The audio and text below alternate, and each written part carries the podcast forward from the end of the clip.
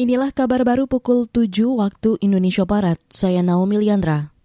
Lembaga Bantuan Hukum LBH Jakarta berencana menggugat Kementerian Komunikasi dan Informatika karena memblokir aplikasi dan situs yang belum mendaftar penyelenggara sistem elektronik PSE. Pengacara publik LBH Jakarta Saleh Al-Ghifari meminta Kominfo mencabut peraturan itu karena melanggar kebebasan berpendapat dan berekspresi, hak untuk berkomunikasi, serta memperoleh informasi dan melanggar hak atas privasi. Concern kami salah satunya juga adalah terkait dengan penyalahgunaan nanti karena di sini kan peran Menkominfo sebagai selain sebagai regulator dia juga sebagai pemeriksa kan penilai apakah satu konten itu dianggap bermasalah gitu. Makanya kita uh, membuka pos pengaduan untuk uh, bisa diarahkan mengajukan gugatan terhadap Permenkominfo ini. Baik terhadap aturannya maupun terkait uh, tindakan pemblokirannya yang telah uh, menimbulkan banyak uh, kerugian ini actual loss sudah terjadi kan. Pengacara publik LBH Jakarta Saleh Al-Ghifari mengatakan sudah mendapat 60-an laporan terkait pemblokiran tersebut.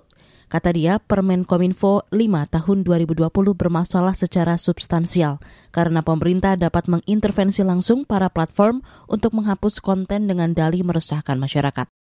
Sementara itu, Dirjen Aptika Kementerian Kominfo Samuel A. Pangrapan menegaskan kebijakan PSE akan tetap diberlakukan.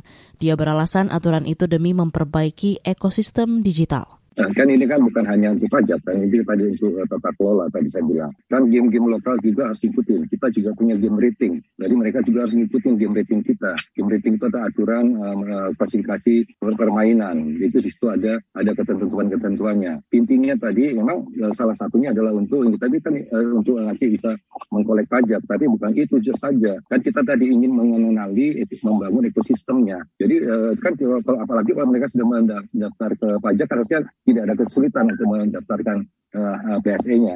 Dirjen Aptika Kementerian Kominfo Samuel A. Pangrapan mengatakan masih memberi kesempatan para platform yang belum mendaftar untuk segera melengkapi persyaratan PSE. Bahkan untuk PayPal, Kominfo memberi waktu lima hari untuk melengkapi data dan memberi waktu pengguna mengalihkan uangnya ke platform digital lain. Menteri Badan Usaha Milik Negara BUMN Erick Thohir mengapresiasi penyelenggaraan ASEAN Para Games 2022 di Solo, Jawa Tengah saat banyak negara enggan menjadi tuan rumah. Erick juga menyatakan siap mendukung terus kegiatan internasional yang diselenggarakan di Indonesia. Sangat disayangkan SEA Games itu kan diselenggarakan di banyak negara.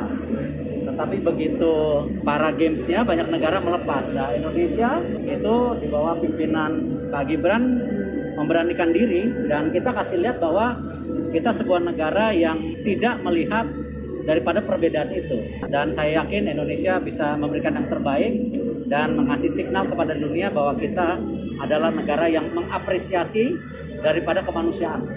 Menteri BUMN Erick Thohir menambahkan, kegiatan olahraga internasional perlu terus didukung dan dimanfaatkan sebagai ajang mempromosikan budaya, wisata, dan produk-produk lokal sehingga mendunia.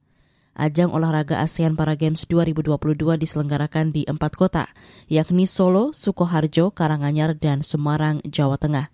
Kompetisi olahraga penyandang disabilitas ini akan berlangsung hingga 6 Agustus diikuti 11 negara, di antaranya Laos, Thailand, Myanmar, Malaysia, dan Singapura. Saudara, demikian kabar baru KBR. Saya Naomi Liandra undur diri.